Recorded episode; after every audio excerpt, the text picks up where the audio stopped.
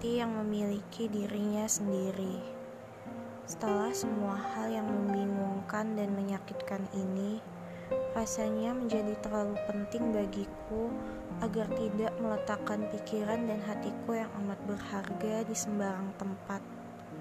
Harta karunku itu tak akan kuberikan pada siapa pun juga, karena pada akhirnya mereka hanya bisa mencampakkannya.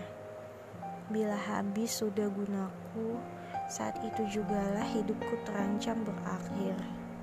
Mungkin cuma Tuhan yang menciptakan yang berhak memiliki hati dan pikiran ini. Karena hanya dia satu-satunya yang pantas menurut jiwa merapuhku kini miris ketika aku menganggap bahwa akulah orang yang paling beruntung di muka bumi ini, tetapi ilusi bagi manusia yang katanya adalah orang-orang yang menyayangi dan peduli padaku.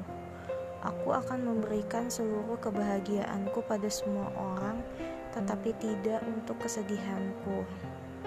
Sebab kesedihanku adalah hati yang memiliki dirinya sendiri hingga pada akhirnya segala hanyalah cerita usang yang menumpuk indah dan sia-sia di ingatanku yang penuh kekosongan. Meski kini jiwaku layaknya cawan yang rentan pecah, aku masih memiliki bejana-bejana tangguh di dalam pikiranku. Aku seharusnya patut bersyukur untuk itu. Entah mengapa, kau masih tak dapat juga bisa melihat cahayaku. Apakah duniamu terlalu gelap sehingga kau tak lagi dapat mengenali cahaya sedikit pun? Akulah pemilik hati yang memiliki dirinya sendiri.